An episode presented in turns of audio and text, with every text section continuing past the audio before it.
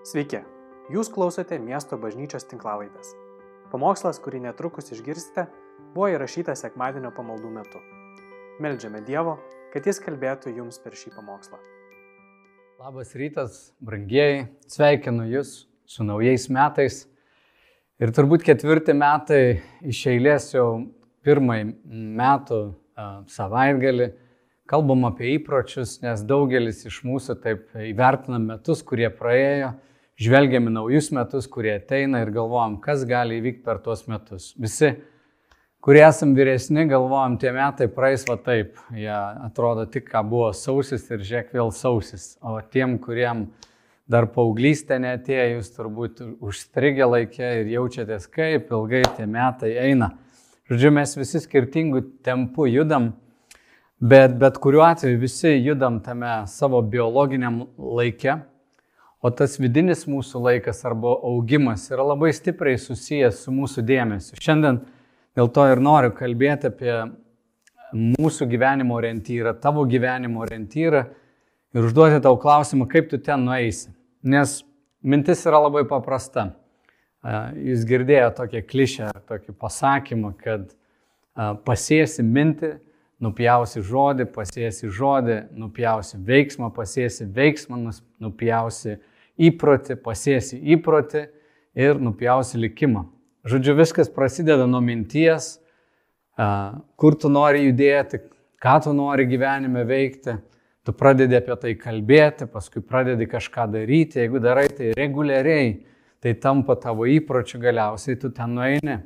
Blogiausia, kas gali atsitikti gyvenime, kad tu tiesiog judi taip vėjo nešiojamas, kaip man atrodo Sokratas yra pasakęs, neištirtas gyvenimas, dėl jo neverta net gyventi arba jo neverta net gyventi. Ir šiandien iš tiesų labai daug žmonių kalba apie savirealizaciją, apie tikslų siekimą, apie įvairias savipagalbos formas. Manau, kad tas savęs pažinimas yra gerai ir žmonės, na, turbūt vertai užsijima tuo, žiūrėdami į save, ką jie norėtų padaryti, bet krikščioniškas žvilgsnis skiriasi. E, jis yra kitoks, jis yra susijęs su prasme ir su didesniais klausimais.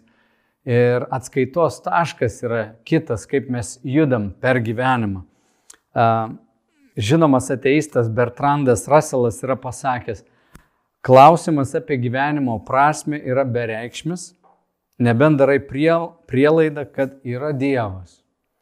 Jeigu Dievo nėra, tavo prasmės klausimas, na, ilgiausiai užtrunka ar ne 70 metų, ką tu nuveiksi per tą laiką, jis neturi amžinybės perspektyvos. Ateistui iš tiesų tai yra, na, gali būti galvos toks skausmas. Vienas um, uh, Illinois, uh, Northeastern Illinois universiteto filosofijos profesorius kartą darė tokį darbą, jo vardas daktaras Hugh Morhedo.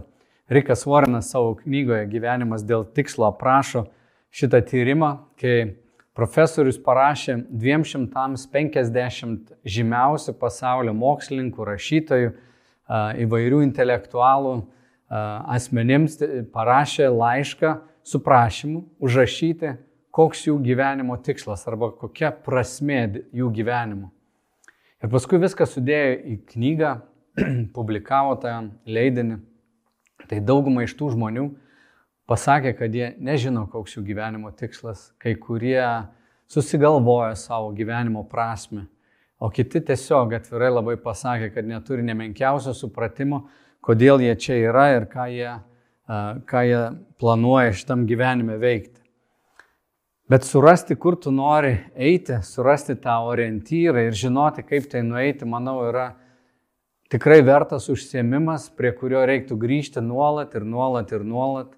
Ir mums kaip krikščionėms uh, tikrai uh, svarbu pasižiūrėti, kur mes einam. Ir visą laiką turėti tą tarsi šiaurinę žvaigždę, kuri mus lydi.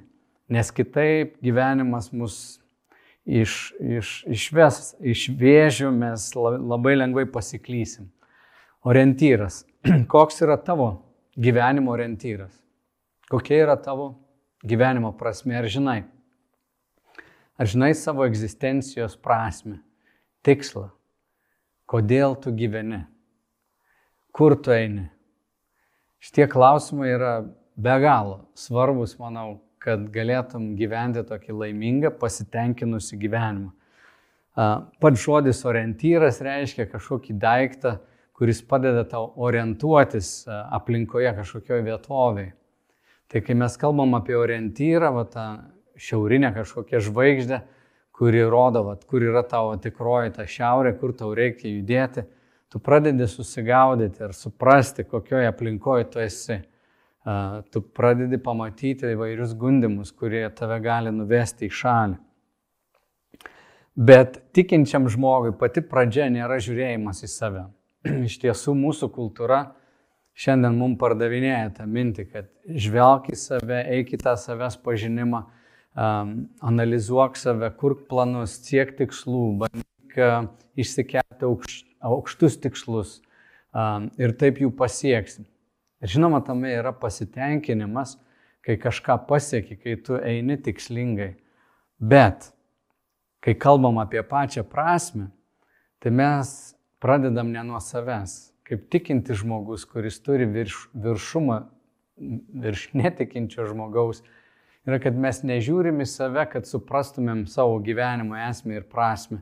Mes žiūrim į apreiškimą, į Dievą, į tą, kuris mus sukūrė. Pacituosiu Jums keletą sakinių iš katekizmų, kurie naujasis miesto katekizmas, kuris rėmėsi Heidelbergo katekizmu. Tai anksčiau žmonės labai rimtai į katekizmų žiūrėdavo kaip į tokią kelrodę, žvaigždę savo gyvenimui, kurie atsakydavo į pačius esminius klausimus, egzistencinius klausimus. Taigi naujajam miesto katekizme pirmas klausimas skamba taip. Kokia vienintelė mūsų viltis gyvenant ir mirštant? Atsakymas - ne kad mes patys esame savo šeimininkai, bet kūnu ir siela, gyvendami ir mirdami priklausome Dievui ir mūsų gelbėtojui Jėzui Kristui. O ketvirtas klausimas irgi labai svarbus. Kaip ir kodėl Dievas mus sukūrė, skamba taip. Atsakymas - Dievas mus vyrus ir moteris sukūrė pagal savo atvaizdą, kad jį pažintume, mylėtume, gyventume su juo ir jį pašlovintume. Tad mums, jo sukurtiems, dera gyventi jo šloviai. Pradžios knygos pirmas skyrius 27 eilutė. Ir Dievas sutvėrė žmogų pagal savo atvaizdą. Pagal Dievo atvaizdą sutvėrė jis jį vyrą ir moterį sutvėrė jis. Taigi žmogus yra Dievo sukurtas ir Dievas kaip autorius mums yra sukūręs prasme. Jis sukūrė mus dėl savęs, savo, kad mes jį mylėtume, atrastume jame pasitenkinimą, jam tarnautume ir taip įgyvendintumėm savo unikalumą, savo unikalų pašaukimą Ir kai mes žvelgiam į Dievą ir sakom, Dieve, kokia mano prasmė šitam gyvenime, ji yra čia taip ir užrašyta, kad Dievas sukūrė mums, mus savo, mes nepriklausom patys savo, mes esam jo nusavybė, kūnu ir siela esam jo. Ir jis turi kiekvienam iš mūsų tikslą. Bet sukūrė mus būti panašius į jį. Sukūrė mus konkrečiam kažkokiam keliui, mes turim kiekvienas unikaliai atspindėti Dievą. Dabar reikim prie paštalo Pauliaus, kuris savo gyvenimo misiją irgi įvardėja, dėl ko jisai darbuojasi, kam jis yra pašventęs savo gyvenimą, savo visą tokią aistrą. Laiškė kolosiečiams jis sako, taip pat ir jūs, kurie kadaise buvote svetimi ir priešiški, savo protose, piktais darbais, dabar Dievas sutaikino mirtimi jo žemiškajame kūne, kad pasirodytume jo akise šventi, tyri ir nekalti. Šventas raštas sako, kad vienas iš tavo ir mano tikslų yra, kad vieną dieną mes stovėsim jo akivaizdoje, šventi, atskirti jam, tyri, be nuodėmės, nekalti, stovėsim mums bus atleista, mes būsim panašus į jį. Jei tik pasiliekate tikėjimu, įsitvirtinę, bei nepajudinami ir neatsitraukite nuo Evangelijos vilties, kurią išgirdote, kuri paskelbta visai kūrinėjai padangumi ir kurios tarnu aš, Paulius, tapau. Jis sako, štai mano pašaukimas, aš esu tarnas skelbti šitą Evangeliją. Dabar aš džiaugiuosi savo kentėjimais už jūs ir savo kūnę papildau, ko dar trūksta Kristaus vargams dėl jo kūno, bažnyčios. Jos tarnu arba bažnyčios tarnu aš tapau Dievo patvarkymu, kuris duotas man dėl jūsų, kad išpildyčiau Dievo žodį. Ta paslapti, kuri buvo paslėpta amžiams ir kartoms, o dabar apreikšta jo šventiesiems. Jiems Dievas panorėjo atskleisti, kokie šios paslapties šlovės turtai skirti pagonims. Būtent Kristus jumise šlovės viltis. Štai didžioji paslaptis. Kristus per savo šventąją dvasę apsigyvena mumyse. Jis yra mūsų šlovės viltis. Ir štai dabar Paulius įvardyja savo pašaukimą. Mes jį skelbėme, įspėdami kiekvieną žmogų ir mokydami kiekvieną žmogų su visokiojo paaišmintimi, kad kiekvieną žmogų padarytume tobulą Kristuje. Dėl to aš ir darbuojas, grumdamasis jo suteiktą jėgą, kuri galingai veikia manyje. Taigi apaštalo Pauliaus tikslas yra padaryti kiekvieną žmogų ir sako, mes kiekvieną mokom, kiekvieną perspėjam, kad jis pataptų tobulas Kristuje.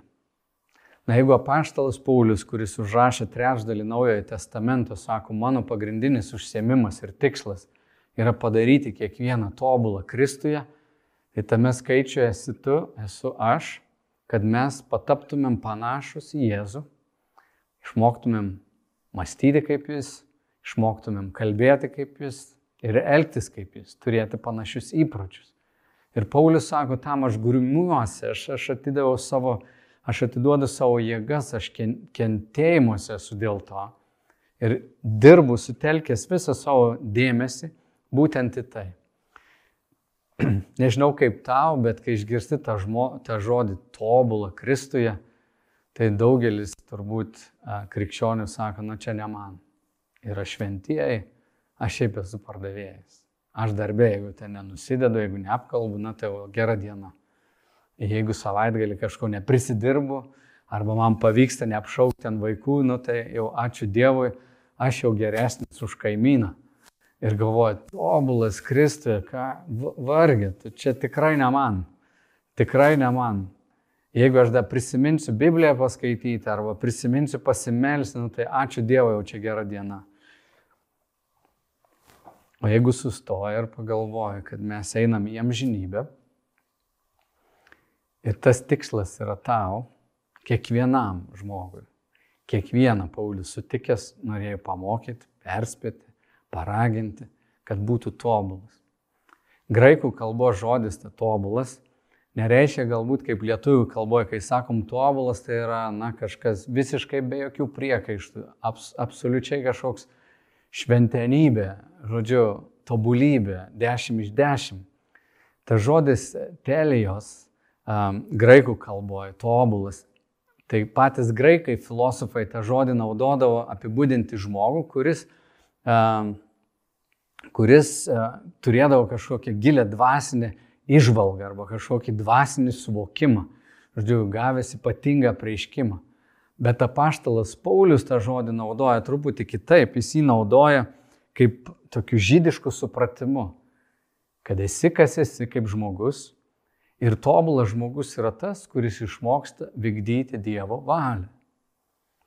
Žodžiu, kiekvienas iš mūsų, kokie mes esam, sukurti, Dievas mums davė mūsų genetinį kodą, jis atėjo ne mūsų pasirinkimu. Mes į šitą žemę atėjom ne savo pasirinkimu, ne mes rinkomės nei šeimoje, nei, nei giminę, nei vietą, nei kalbą, mes atėjom. Tai buvo už mus nuspręsta. Bet Dievo žodis sako, kad jis numatė tai. Ir kiekvienas iš mūsų unikaliai esam sukurti, kad taptumėm tuo, ko Dievas mus sukūrė. Bet tobulas reiškia, kad aš, kaip Saulis, išmokstu vykdyti Dievo tobulą valią man, ne mano kaimynui, ne dar kažkam, man. Dievas yra parinkęs kelią man, pašaukimą man. Lygiai tas pats su tavo gyvenimu. Jis, tavo gyvenimas yra unikaliai tavo. Tu esi Dievo unikaliai, gražiai sukurtas, kad taptum tobulas Kristuje. Ir visi, kurie moko Biblijos, visi pamokslininkai, jie turėtų turėti labai panašų tikslą kaip apaštalas Paulius, kelmdami žodį, kad visa tai, ką mes kelbėme, kažkaip nukreiptų mus, sutelktų mūsų dėmesį į, į tapimą panašesnių į Kristų.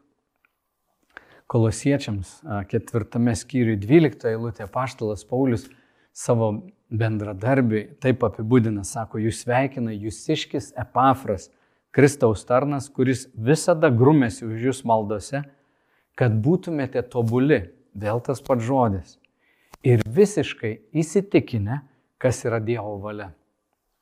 Čia sugretinami du dalykai - būti tobulu ir visiškai įsitikinusiu, kas yra Dievo valia. Todėl tavo ir mano supratimas gyvenime turėtų statytis ant, ant to ieškojimo. Būti tobulu Kristuje, tapti tikruoju tuo Sauliumi Kristumi reiškia būti įsitikinusiu, kokia yra Dievo valia man. Ką Dievas yra man numatęs. Sutelkti savo dėmesį. Romiečiams 12.2 sako, ir neprisitaikykite prie šio pasaulio, bet pasikeiskite, atnaujindami savo protą, kad galėtumėte ištirti, kas yra gera, primtina ir tobula Dievo valia. Vadinasi, turi vykti proto perkeitimas, atmainimas, kad mes nemastytumėm taip, kaip pasaulis masto, tai, kas yra įprasta, kas yra šio amžiaus dvasia, kas yra šio amžiaus mados, bet atpažintume, kokia yra Dievo valia, kuri yra užrašyta mums Dievo žodėje ir šventoji dvasia savo prieškimu mums parodo, koks yra mūsų kelias. Paties Jėzaus pavyzdys laiškė hebrajams apie Jėzų irgi pasakyta, kad jis pats kaip Dievo sūnus savo kūno dienomis siuntė maldas ir prašymus su garsiu šauksmu bei ašaromis tam, kuris galėjo išgelbėti jį nuo mirties ir buvo išklausytas dėl savo Dievo baimingumo. Nors būdamas sunus, jis per savo kentėjimus išmoko paklusnumo ir ištobulintas tapo amžino išgelbimo priežastimi visiems, kurie jam paklūsta. Dievo pavadintas vyriausiojo kunigu Melchizedeko būdu. Taigi Jėzus meldėsi, kartais garsiai šaukdamas ir su ašarom vaitodamas, prašydamas, kad tėvas jam parodytų savo valią. Tai nebuvo labai paprasta. Aš manau, kad Jėzui nebuvo tokia pajungta linija, kuris eina ir tėvas jam kalba, žinot, balselis nuolat eina. Čia mes matom, kad Jėzus skiria laiko tam, kartais su ašaromis, su maldomis, su prašymais ir buvo išklausytas, nes turėjo Dievo baimingumą. Jis nenorėjo vykdyti savo valios, nenorėjo rasti savo kelio, nenorėjo savo karjeros, savo gyvenimo vietos, bet visame kame Jis prašė, tėvę, parodyk man, ką tu nori daryti. Ir jis buvo išklausytas ir sako, jis buvo pats ištobulintas. Tai kai galvoja apie Jėzų, palauk, kaip čia dabar tą Jėzų reikia tobulinti?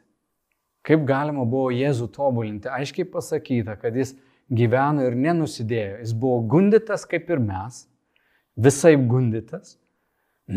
Galim būtų pasakyti, jis buvo tempiamas į šoną, bet jis atsilaikė ir buvo ištobulintas. Tai reiškia, kad jis pasiekė tą kelią, kurį tėvas jam buvo numatęs, jis nuolat išliko tame kelyje. Jis nesilygino su niekuo, nebandė kažkam padaryti įspūdžio. Nežvelgia į žmonės, jisai ėjo keliu, aiškiai žiūrėdamas į savo tėvą. Ką nori tėvas man pasakyti, kur tėvas nori mane nuvesti. Tėvas, jo valia aukščiausias prioritetas. Ir jam tai kainavo. Jam kainavo, jam reikėjo atsiskirti, jam reikėjo sutelkti savo dėmesį, bet Jėzus turėjo būti nukreipę savo mintis, savo akis, kad būtų ištobulintas. Ir jam reikėjo ir kentėti, ir reikėjo kažko atsižadėti. Taigi, prieikim prie tokio labiau praktinių pritaikymų. Pakalbėkim truputėlį apie dėmesį. Dėmesys, mūsų dėmesys yra mūsų smegenų unikali veikla. Labai dažnai yra tokie posakiai naudojami. Tu esi tai, ką skaitai. Arba pamenu kažkada Anglijoje tokia laida, tu esi tai, ką valgai. Žodžiu, viskas, kas į tave įeina, padarys tau poveikį. Ką tu skaitai, tave suformuos, kam tu skirsi savo dėmesį, ką tu žiūrėsi, į ką nukreipsi savo žvilgsnį, tuo ir tapsi. Ir šitie laikai ypatingi yra laikai, nes yra tiek daug į ką žiūrėti. Aišku, žmonė niekada neturėjo tiek daug vaizdinių, niekada. Tu turbūt iki 18 metų esi pamatęs daugiau negu žmonės prieš 200 metų pamatė per visą savo gyvenimą. Mes tiek visko matom, mūsų dėmesys yra nuolat dirginamas, kreipiamas į kairę ir į dešinę. Ir su dėmesiu kaip yra? Dėmesys yra a, susijęs ne tik tais mūsų gebėjimu susikoncentruoti, susifokusuoti vieną dalyką, bet jis taip pat yra susijęs ir su gebėjimu patraukti trukdžius į šoną. Dalykus, kurie, kurie mus blaško. Vienas Newcastle universiteto profesorius Aleksas Tylė, jisai kalba apie smegenų veiklą, kalbėdamas apie dėmesį. Sako, kai kalbi su žmonėmis, gali būti geriau išgirstas, jeigu kalbėsi garsiai ir aiškiai, arba garsiau ir aiškiau. Na, du žmonės bendrauja, tu truputį pakeli savo uh, garsą, atsuki ir aiškiau pradedi tarti tai žmogus tave geriau išgirs ir geriau tave supras. Ir jis sako, tą patį daro neuronai, mūsų smegenų jungtis, kai sutelki dėmesį į kažką. Jie siunčia žinutę su didesniu intensyvumu savo partneriams, tai yra šalia esantiems neuronams, kas panašu į kalbėjimą garsiau, bet dar svarbiau yra tai, kad jie padidina žinutės tikslumą, kas panašu į kalbėjimą aiškiai. Žodžiu, kai mes sutelkiam savo dėmesį į kažką, mes taip pat atsisakom kitų dalykų. Ir mūsų dėmesys yra ribotas. Mūsų dėmesys um, yra ribotas savo laiku, savo pajėgumu. Jis yra pats iš savęs toks selektyvus, jis atsirenka. Tu negali žiūrėti į 13 dalykų ir galvoti, kad viską matai. Net kai tu girdi žmogų kalbant tam, kad iš tikrųjų išgirstum, tu negali skaityti tekstą. Tu gali girdėti žodžius, bet tu negali jų apmastyti, tu negali jų suvirškinti, tavo dėmesys yra kažkur kitur ir nuolat blaškomasis tave labai vargina. Man atrodo, mes visi esam išvarginti dėl mūsų elgesio ištampimo, išmėtymo į, šonus. Mums labai svarbu išvengti trukdžių. Ir eidamas per šiuos metus, planuodama šiuos metus, lygiai taip pat, kaip tu galvoji, man svarbu sutelkti dėmesį tai, ką aš noriu pasiekti, tai, ką aš noriu matyti, kur turėtų būti mano dėmesys, lygiai taip pat turi pasisaugoti, kad tavo dėmesys nenueitų į šonus. Tai gyvybiškai svarbu. Vairuojant automobilį, tau svarbu žiūrėti į kelią, jeigu esi kažkur ypač greitai važiuojant tarp daug uh, juostų, kur daug automobilių, tu turi išlaikyti dėmesį, tu negali klausytis vien ten radijas arba kalbėti su kažkuo. Kuo, kuo daugiau blaškysies, tuo didesnis pavojus tavo gyvenime. Panašiai su mūsų siela arba tuo pačiu dėmesiu. Jeigu tu nesi susikoncentravęs, tu nuolat sukinėjasi, garantuoja tavo gyvenimas va, bus toks. Praeis metai ir sakysi, kur čia dingo tie metai, ką aš nuveikiau, kur nuėjau, kas čia atsitiko. Todėl Paulius jis sako, laiškė korintiečiams, sako, mes visi atidengtų veidų lik veidrodyje, regėdami viešpatį šlovę, esame keičiami tą patį atvaizdą. Išlovės išlovę, veikiami viešpaties, kuris yra dvasia. Nuostabus pažadas, nuostabus pažadas. jeigu mes esam sukurti jį mylėti, jam tarnauti ir kaip Jėzus būti ištobulinti, tapti panašus į Kristų, tai apaštalas Paulius čia sako, kad mes atidengtų veidų.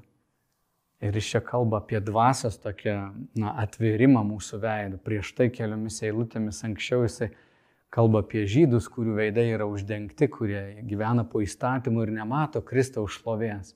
Bet sako, mes, kurie pažinome Kristų, Dievas atidengia mum veidą ir kai mes žvelgiame, praktiškai ką tai reiškia, kai tu skaitai šventą raštą, Dievas tau atidengia akis ir tu žvelgi į Jėzų, kai tu skaitai jo istoriją, tu skaitai laiškus, įkveptą Dievo žodį, arba apmastai Dievo žodį, arba maldoje tiesiog būni tyloje prieš jį, tu pradedi jį regėti, šventoji dvasia tau parodo, koks gražus yra Jėzus.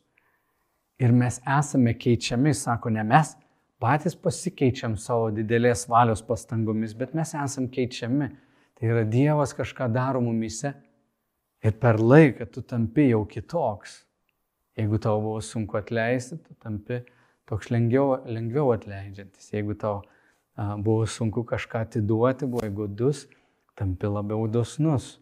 Visa tai ateina per šventosios dvasios veikimą ir tokiu būdu tu ir aš mes tampame tam, kam esam sukurti. Taigi mūsų dėmesys, kad eidami per šiuos metus, kad tu nueitum ten, kur turi eiti, turi būti nukreiptas į Jėzų. Pabaigoje užduosiu tau klausimą, ką tu galėtum daryti, kad tavo dėmesys išliktų labiau sutelktas į Kristų per šiuos metus, kokius įpročius galėtum išugdyti.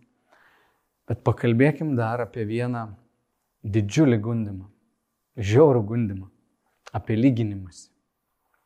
Lyginimąsi su kitais. Yra toks pasakojimas apie rabiną Zusiją, kuris 18 amžiuje gyveno kartą jau mirties patalė jam gulint, priejo prie jo mokiniai, rado jį verkinti. Ir sako, rabi, kodėl verki, kas yra. E, tugi, ar, ar, viskas, ar viskas tau yra ok. A, tu sako, toks išmintingas kaip Moze, esi toks draugiškas kaip Abraomas, dėl kokių priežasčių tu taip sielojas. Ir štai Kazusija sakė, kai aš nueisiu į dangų, manęs nepaklaus, kodėl nebuvai toks kaip Moze. Manęs nepaklaus, kodėl nebuvai toks kaip Abraomas. Manęs paklaus Zusija, kodėl tu nebuvai kaip Zusija. Paprastas pasakojimas, patyrimas, dėl ko žmogus sielojasi. Išmintingas arabinas, daugiau raštų, jis ir brolis, jie, jie buvo įspūdingo intelekto žmonės bet jis sielojasi gyvenime ir apgailestauja dėl vieno dalyko, kad galbūt kai kurios atvejais savo gyvenime jis nebuvo uh, Zusija, jis buvo kaip kažkas kitas. Man šitas pasakojimas įstrigęs, aš turbūt ne pirmą kartą pamokslo metu šitą istoriją pasakoju, bet manau, kad yra be galo svarbu mums atrasti tą savąjį kelią kad mes nustotumėm lygintis su kitais, nustotumėm pavydėti kitiems. Nes lyginimasis pavoks bet kokį džiaugsmą, bet kokį pasitenkinimą tau. Lyginimasis yra be galo žalingas. Kažkas net yra pasakęs ir turbūt daug žmonių pakartoja, kad lyginimasis nėra iš velnio, lyginimasis yra pats velnias. Žodžiu, arba lyginimasis yra visų blogybių šaknis. Yra įvairių tokių versijų, bet lyginimasis tikrai, kai tu žiūri į kitą ir galbūt savo vidų lygini su kito išorė, tu lygini tu, ir ateina nusivylimas. Sakai, aš netoks, aš netoks, aš netoks, aš kažkoks esu kitoks, man gal nepasisekė ir panašiai. Bet žinai, per gyvenimą, kai mes einam, kai mes bręstame, ateina daugiau, tarkim, išminties, su laiku tu pradedi pastebėti, tas įdas, kurias tu įveiki kitose žmonėse. Kuo vyresnis, išmintingesnis tampi, tuo labiau tau matosi kažkokia jaunatviška arogancija. Ne? Kuo tikresnis tu tampi per laiką, tuo labiau tave užgauna kitų tas veidmainiškumas, apsimetinėjimas. Um, bet ribų mokymuisi nėra. Ribų mokymuisi, tavo mokymuisi nėra. Tu kiek beauktum, kiek tu bebūtum subrendęs, ta finišo linija, ta finišo paskutinioji bus tik tuo met, kai tu sutiksi Kristų. Todėl yra labai neišmintinga lyginti su kitais. Mes negalim lygintis, mes turim žvelgti tik į Jėzų. Apaštalas Paulius apie tai pasakė keletą žodžių. Jisai antram laiškė korintiečiams dešimtam skyriui gindamas savo apaštalystę. Jis kalba apie kitus žmonės, kurie konkuruoja su juo ir jisai sako, mes nedrįstame savęs išskirti ar lyginti su kitais žmonėmis, su kai kuriais žmonėmis, kurie patys save giria. Juk jie matuodami save pagal save pačius ir lygindami save su savimi elgesi neprotingai. Taigi paštalas Paulius sako, mes nesilyginam, nenorim išskirti savęs ir nenorim lyginti su kitais žmonėmis. Dievas mums davė ribas. Sako, mes kelbiam ten, kur niekas neėjo, bet tie žmonės, kurie lygina save su kitais, kitais, čia šio laikinė kalba galėtum sakyti, tie, kurie yra įtikėję savo pačių viešųjų ryšių kampaniją. Žmonės, kurie pasidarė savo PR ir galiausiai patikėjo, kad tai, ką mes čia PRinam, atsiprašant, tai, ką mes čia viešinam, vat, savo imidžą, kurį sukūrėm, e, tai ir yra tiesa. Ir jie sako, yra neišmintingi.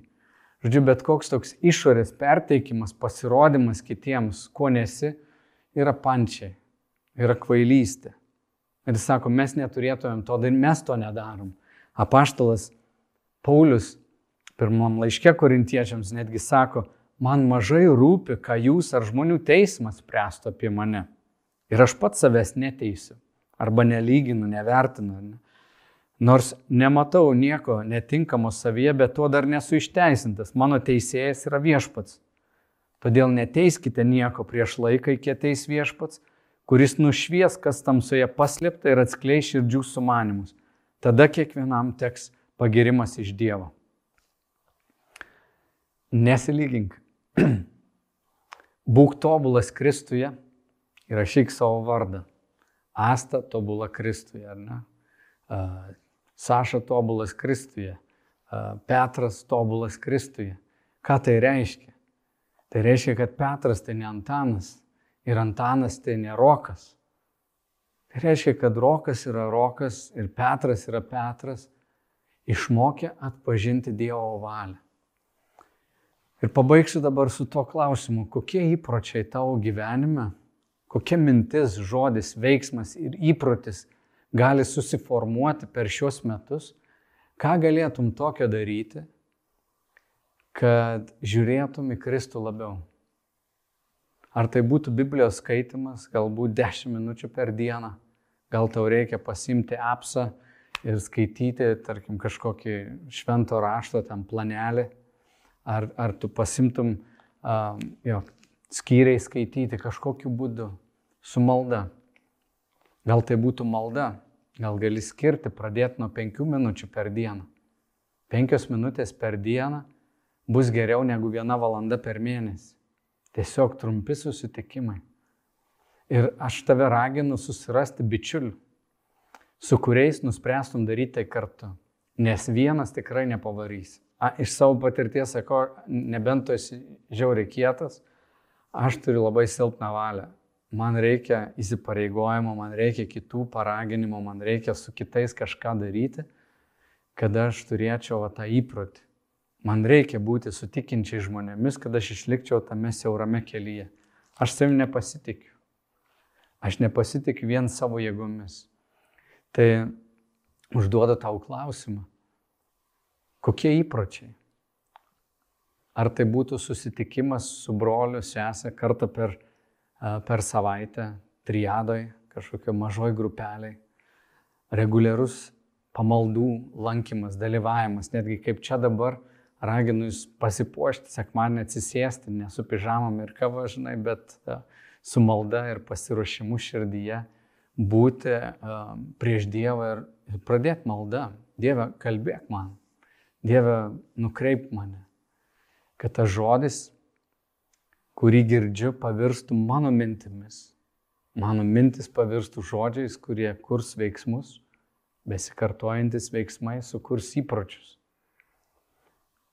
Bet tai, ką tu nuspręsi šiems metams, tai tave ir perkeis. Tu atsidūręs Dievo akivaizdoj sutelkė savo dėmesį į viešpatį, būsi keičiamas išlovės išlovė, į didesnį tobulumą, per klusnumą. Tapsi vis panašesnis ir panašesnis į viešpatį, kuris tave sukūrė savo. Tu nepriklausai savo. Tavo karjera ne tavo. Tavo minutės ne tavo. Tavo kviepsnis ne tavo. Tik labai raginu tave įkelti visą tai kalendorių. Jeigu tu neįkiši kažko į kalendoriaus, tai neturės jokio svorio. Tai, kas neturi svorio, tampa tiesiog vėjimo, blaškomos kažkokios svajonės, kartais tuščios viltis. Girdžiu žmonės sako, na, šiais metais pabandysiu, mesiu svorį ten, mesiu rūkyti, pradėsiu sportuoti, pradėsiu skaityti, bet nesukuria planų. Jeigu tau reikia daugiau pažinimo, labai raginu atsisuk prieš metus laiko ir dar prieš metus laiko paklausyk pamokslo apie įpročio formavimą. Kad nepakanka vien tavo valios, turi pajungti kitus elgesio tokius influencerius arba savo elgesio skatintojus, kas tau padėtų a, tuos įpročius palaikyti. Taigi, baigiu kartodamas tą mintį, Paulius sako, aš įspėju kiekvieną žmogų, mokau kiekvieną žmogų su visokiojopai išmintimi, kad kiekvieną žmogų padaryčiau tobulą Kristuje. Mano palinkėjimas šiems naujiems metams, kad tu taptum tobulas, Petras tobulas, Rokas. Palaimus visiems. Viešpatie, mes prašom, kad tu savo šventąją dvasę mus lydėtum, kad tu kiekvieną, kuris girdėjo šito žodžius, įkvėptum savo dvasę, pabūti tavo akivaizdoje, kasdien nurimti, kasdien būti akistatoj su tavimi, kad kaip tu, Jėzau, buvai ištobulintas ir buvo išklausytas dėl Dievo baimingumo. Per klusnumą tu tapai tobulas. Jėzus, kuris buvo numatytas, tu buvai klusnus viešpatie. Tai įkvepia, norisi viešpatie kartuoti tavo žingsnius. Nebūti tokiais, kokius pasaulis mus kūrė, kam žmonės pinigus leidžia, kad formuotų mūsų mąstymą, įkištų mums madas įpirštų mums idėjas.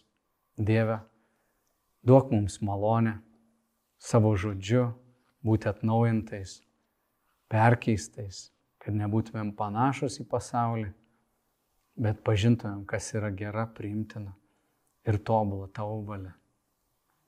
Per Kristų Jėzų meldžiam. Amen. Ačiū, kad klausėte.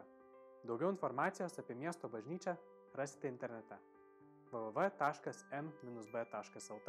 arba Facebook, Instagram bei YouTube paskyrose.